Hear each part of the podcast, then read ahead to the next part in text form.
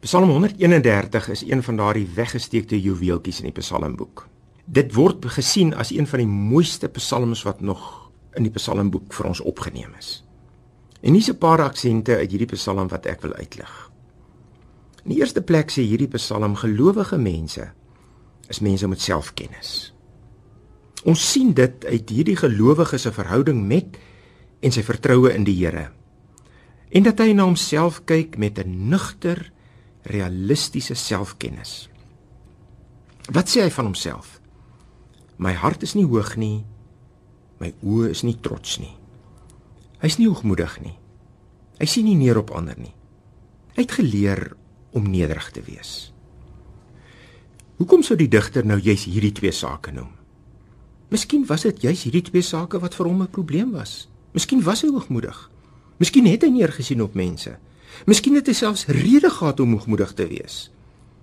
Maar hier het dinge verander. Hy is dit nie meer nie. In hierdie Psalm kon hy vir die Here sê: "Here, selfverheffing en hoogmoed is daar nie by my nie."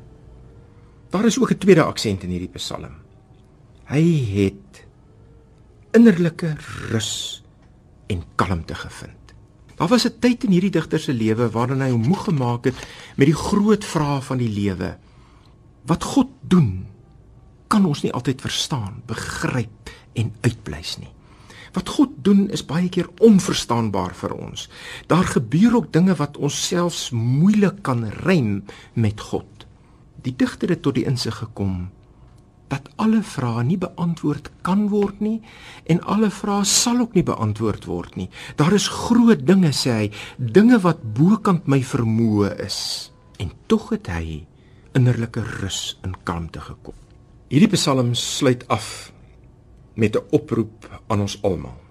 Vir ons wat miskien nog sukkel om tot 'n realistiese selfkennis te kom, vir ons wat miskien nog sukkel met die groot vrae in die lewe waarop ons nog nie 'n antwoord gekry het nie.